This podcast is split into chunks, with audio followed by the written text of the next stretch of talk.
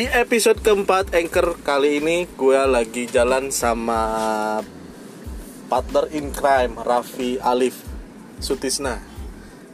Jadi agenda kali ini ceritanya kita muter-muter untuk eh, mencari tempat gathering klien kita di bulan puasa.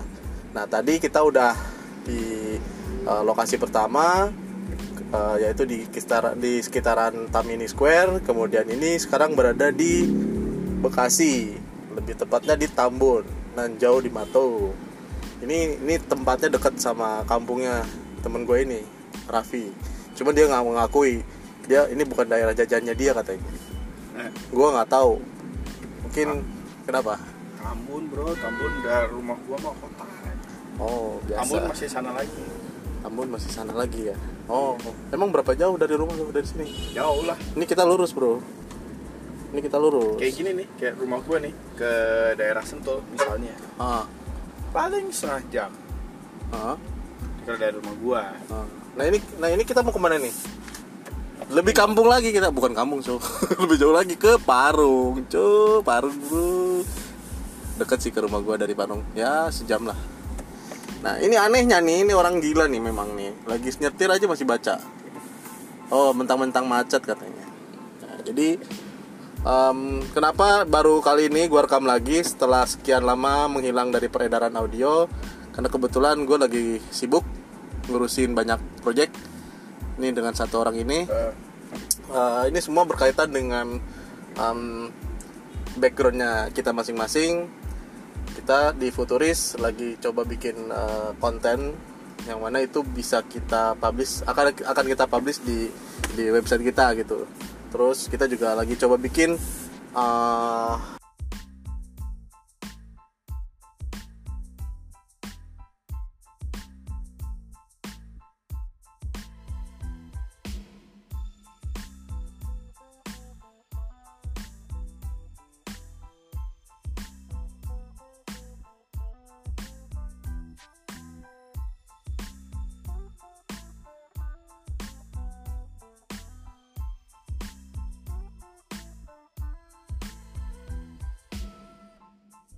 Christie, pasti udah pada tahu kan Agatha Christie. Agatha Christie itu penulis eh, novel apa, misteri yang terkenal Terkenal. di zaman itu. oke. Nah, pada masa itu Sherlock Holmes itu masih ada di peringkat apa namanya uh, Masih pemula ya? Pem- apa? Enggak pemula. novel yang sangat populer waktu itu. Jadi uh, banyak banget banyak banget uh, penulis-penulis yang mau men- mengha- apa namanya menghadirkan detective story story Hmm. atau mystery story gitu yang akhirnya mereka bikin perkumpulan Hmm, nah, Nah, stop, stop, stop. nah. Sebelum dilanjut, gua rasa ini pak- eh, pasti akan panjang ya, panjang lebar ceritanya. Panjang lebar, nah, untuk itu lebar. kita tetap pantengin di anchor gue. Nah, cuman kita eh, stop dulu lah, kita cek dulu masuk apa kagak. Oke, nanti kita lanjut.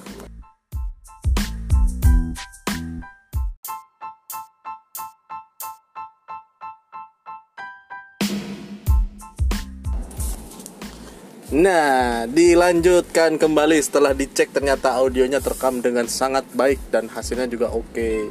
Karena kebetulan rekamannya juga di dalam mobil, jadi agak sedikit noise ya wajar lah, tapi lumayan lebih kedap dibandingkan ketika gua rekaman sendirian di dalam base kayak orang gila. Oke, lanjut bro. Ceritanya kenapa lu bikin eh, ide punya ide untuk bikin apa namanya podcast story? Uh, iya Masalah tadi itu apa backgroundnya? Iya, jadi gue nah ini sebenarnya nggak bisa nggak- ini ini nggak bisa di ini sih ini nggak bisa di share karena pada dasarnya kan ini kan ini kan, Iya. ini kan proyek rahasia lo nggak Oke. boleh lo nggak boleh. Ya maksud gue kenapa mesti bikin itu gitu loh? Kenapa nggak yang yang lain gitu? Gua gua Kenapa? rasa gua rasa topik detektif tuh nggak pernah mati. Hmm, apa cuman karena- penulisnya kurang. Karena yang bikin cerita detektif itu ini, ini beneran nih jangan di jangan diposting ya udah diposting nih udah live Asya asya anjing. Diposting lah. Ya nggak Nggak, nggak, ya udah kalau nggak, usah diomong nggak, kenapa nggak, lu ngambil kenapa lu punya ide itu gitu? Punya ide enggak, enggak, bikin enggak, gini, podcast enggak, uh, gini. story. Ini, ini di post dulu, Ah. ini di post dulu. Ngomongin bilang gue pernah bikin. Nggak boleh ini sebenarnya nggak boleh di post karena Oh, ya gua- udah nggak boleh. Ya Ya, topik ya. lain, topik lain, topik lain. ya ya. Nggak boleh cuman gue nggak sebagai mau bikin serial Oh, ya itu kenapa kenapa mesti serial? tapi nggak apa-apa deh anyway nggak apa-apa kan nama gue misteri Oh. nama gue Raffi ya oke ya jadi Lah. jadi mem jadi penulis di Indonesia belum ada yang populer menulis bukan ada ya Banyak ada, populer. ada ada perkumpulannya tapi tingkat popularitasnya masih jauh dibanding cerita-cerita yang lebih pop kayak detektif Conan, Kindaichi di Indonesia mungkin sebatas novel tapi belum ada yang dulu gue tuh waktu masih kecil gue tuh rajin banget baca stop tau nggak? Hmm. itu ada lima orang atau empat orang terus mereka kayak teman main terus menemukan misteri-misteri apa gitu. Terus waktu itu gue juga baca gue nggak tahu kenapa dari dulu baca buku kayak gitu gitu. Sherlock Holmes juga sempat satu dua buku gue baca eh, angle-angle-nya gimana. Cuman Sherlock Holmes menurut gue dia tuh agak supranatural. Jadi kemampuan dia itu agak-agak keterlaluan jadi kurang logis. Yang logis menurut gue itu detektif Conan. Sangat logis. Artinya dia dia coba kasih nalar-nalar dalam dan Oh. dan nggak ada dia dia nggak ada sihir-sihir juga nggak ada special skill Mm-mm. buat dia apa Jadi kayak realita. Ya biasa gitu. Eh, cuman dia punya gadget gitu. Detektif beneran gitu kan. ya cuman dia punya gadget kelebihannya itu. Jadi dia bisa nembak orang maksudnya nembak Ya. pakai jam kayak gitu-gitu aja. Jadi intinya gadget kelebihannya dia. Tapi kalau Sherlock tuh enggak. Sherlock tuh wah pokoknya sebelum orang mukul dia udah tahu duluan. Jadi kayak keterlaluan Terlalu, lah gitu oke. terlalu jago ting gitu. Nah, nah, kok ya itu tadi kenapa mesti detektif? Kan di Indonesia yang gua tahu tuh lebih ter- apa orang lebih suka nonton misteri cerita-cerita horor gitu loh. Uh, menurut gua, gua tuh dari dulu suka puzzle sih intinya. Oh. Gua dari dulu tuh suka puzzle. Game-game dulu juga gua tertarik banget sama game puzzle. Kalau dulu tuh ada Prince of Persia misalnya, terus game-game gue juga suka game-game yang blok-blok gitu. Hmm. Nah terus begitu gue baca Conan, gue merasa terwakili penasaran gue. Jadi lo akan memecahkan berbagai macam kasus ceritanya nanti. Seakan-akan gitu. Jadi mungkin akan ngambil dari inspirasi dari re- realita-realita kriminal yang ada, nanti bisa diolah supaya lebih menarik gitu ceritanya. Seru sih, seru sih. Apalagi kalau ngomongin masalah ini ya gosip-gosip ya. Uh, bisa jadi, tapi ini ada yang lebih seru lagi. Tadi pas gue baca tuh tadi seru. Apa? Jadi tahun 9 tadi balik lagi tuh 1920 eh, perkumpulan penulis misteri. Perkumpulan penulis There's misteri. 5 minute congestion in 1.5 kilometers. Yeah. You are still on the fastest route. Ah, ah tenang. ya perkumpulan penulis misteri sampai akhirnya mereka bikin aturan main. Pada dasarnya komik apa namanya cerita misteri itu adalah eh, duel antara penulis dan pembaca. Itu Oh ya? sebenarnya duel, iya duel. Jadi gimana caranya penulis kasih clue, pembaca berusaha memecahkan. Gitu. Itu memang secara secara psikologis ternyata itu yang dicari. Hmm. Jadi adrenalin itu yang dicari gitu. Tapi menurut lu ketika cerita itu mudah ditebak, Ya kalau gitu mah makanya dibikin apa apa itu yang di apa maksudnya ada ada kepuasan tersendiri juga nggak sebagai sebagai pencerita atau penulis eh, detektif? maksudnya Kayak misalkan ah ini kayaknya ceritanya begini begini dan ternyata bener gitu loh. iya Kok bisa kau tebak gitu loh misalkan. Bisa Apa, aja kayak semakin kayak, rumit, kayak, semakin kayak, kayak, bagus kayak gitu? detektif Conan gue nggak bisa nebak. Gue waktu baca komik pertama gue amazed banget. 1 sampai 10 gue coba pecahkan tapi salah wae salah terus gitu. Hmm. sampai akhirnya gue berhasil di edisi berapa gue ini kayaknya ini nih yang bunuh nih gitu. Terus akhirnya Oh. berhasil gitu gue gue memecahkan gitu waktu itu. Walaupun gue gue ngelihatnya itu agak-agak cara ya mau gimana juga penulis tuh punya penulis itu punya ini dong punya apa punya advantage dia punya kelebihan. Hmm.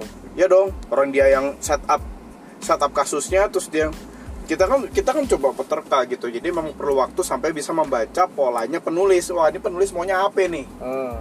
oh biasanya itu polanya dia tuh kasih lima kasih lima tersangka alibinya ini itu ini itu settingnya begini terus gimana caranya? Nah gitu ceritanya. Itu memang udah jadi akhirnya bisa tap nah berarti di situ kalah si Aoyama Gosho sama gue. Karena gue berhasil memecahkan misterinya dia Misterinya. gitu. Nah Eh, itu sebagai penulis atau sebagai gue si sebagai pembaca dong gue sebagai enggak kalau kan posisi lu sekarang sebagai pencerita nantinya kan? Oh iya ya itu intinya itu kepuasan lu gagal nggak? Lu anggap gagal nggak cerita lu atau ya wih udah dia udah berhasil udah ketemu. Nggak ya ya bis ya, ya gimana ini kan balik lagi ini kan serial. Serial ya artinya banyak yang akan terjadi gitu nah pada dasarnya balik lagi ke masalah fair play itu jadi si Agatha Christie bikin aturan main akhirnya oke deh lo nih para penulis misteri ini kan penulis misteri ini begini nih Hmm. eh, apa namanya perang perang antara kita lurus ya Iya perang antara siapa? Antara penulis Dengan sama pembaca. pembaca. kan gitu. Hmm. Terus eh, akhirnya kita akhirnya dibuatlah aturan main dengan azas fair play. Harus satu-satu. Penulis punya satu poin, pembaca juga harus wajib dikasih clue misalnya gitu. Ada 10 rules yang harus dipatuhi sama penulis-penulis itu. Gitu, nggak boleh pakai supranatural Hmm. kayak misalnya lagi lagi ada kasus pembunuhan ruang tertutup itu kan ini tuh populer Hmm. pembunuhan ruang tertutup ujuk-ujuk santet ya kan nggak seru gitu ya curang lu Oh. kalau kayak gitu gitu. Harus harus logis dong harus nalar dong. Dan ada 10 ada 10 peraturan lainnya gitu. Terutama di ini kayak misalnya eh, ada orang kembar. Jadi jadi yang satu jadi intinya gini pembaca harus diberikan semua clue secara transparan. Hmm. jadi bukti harus dikasih tahu pelaku apa, calon-calon pelaku nih calon tersangka-tersangka nih harus Ya. dikasih tahu Ya, ya. alibi-alibi harus dikasih tahu jadi harus terang benderang dulu udah gitu baru gimana Si- cara penyelamat jadi dari situ dari situ kelihatannya rule booknya atau playbooknya penulis misteri itu dari situ Nah, tapi di Indonesia sendiri kalau kalau menurut lu emang kenyataannya ada nggak sih detektif? detektif ada Ada. ada dan pakai Google AdWords juga Maksudnya? dia ada Oh, jasa- oh, jasa, jasa, jasa detektif. detektif swasta ada. Oh, ada. Oh, dia itu yang perlu perlu diketahui dulu ada tapi gua nggak gitu. tahu ya tapi ada di Tapi nggak tahu official atau enggak ya. Iya tapi ya, intinya secara payung hukum nggak ada Oh, mungkin jasa julid kali ya. bisa jadi kepo tingkat dewa aja sampai sampai Cuman nggak jauh beda sama intelijen kan po- posisinya kan, kerjaannya sebetulnya kan. mungkin ya bisa jadi Bisa jadi ya. Cuman Bisa di, jadi. di kita kan bukan detektif bahasanya itu apa? kan gini kan gini eh, ada Reserse. serse se- kalau di Serse Indonesia yang gua- kriminal ya? di serse tuh penindak kalau nggak salah Ya itu kan dia memecah masalah. biasa kalau kalau yang gue baca kemarin mungkin gue salah itu di ada namanya inafis forensik Oh, foren- Jadi oh, forensik ini ke olah TKP, udah gitu dia memaparkan bukti, terus memecahkan kira-kira ke mana dan mau gimana nih arahnya Hmm, gitu. hmm, hmm. Oh, seru ya. Itu itu banyak kan kerjanya, apa namanya areanya tuh ada di forensik. Ya. Jadi forensik itu lebih ke investigator.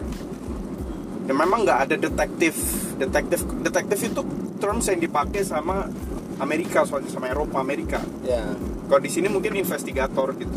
investigator ya semacam ya, auditor juga mungkin jatuhnya Bisa jadi bilang sama gitu. ya kayak KPK itu kan juga kam- Iya, kumpulan dari berbagai lembaga Iya, KPK Eh, tuh juga gitu. sebenarnya masuk Detektif detektif, ya? Masuk ke ya? investigator. Ha. Hmm. Masalah nanti ketika sudah ditindak OTT atau segala macam itu kan Hmm. udah masuk ke penindakan. Mungkin kalau polisi itu namanya serse. gitu. kan penyidiknya juga ada dari polisi Nah, penyidik ada- itu sebenarnya detektif. ah ya benar benar benar ya penyidik itu Penyidik detektif sebenarnya bener kan? detektif. Iya, Saat beda termsnya aja. cuman penyidik kebanyakan kita kan dari polisi ya benar gak sih dari Polri kan benar kan Iya bisa detektif jadi. mungkin bisa dari dari dari yang lain ya Kalau Nah, KPK kayaknya luas deh. iya kok dari, polisi ada militer ada dia gabungan dari profesional juga ada jadi kayak misalnya ekonom ekonom gitu Oh. atau, atau yang bisa baca keuangan karena kan dia fokusnya sama korupsi kan Ah, ah, ah. bukan sama kriminal Iya, wah itu dia. Nah itu itu yang itu eh, cerita sedikit tentang eh, project yang lagi digarap oleh Raffi.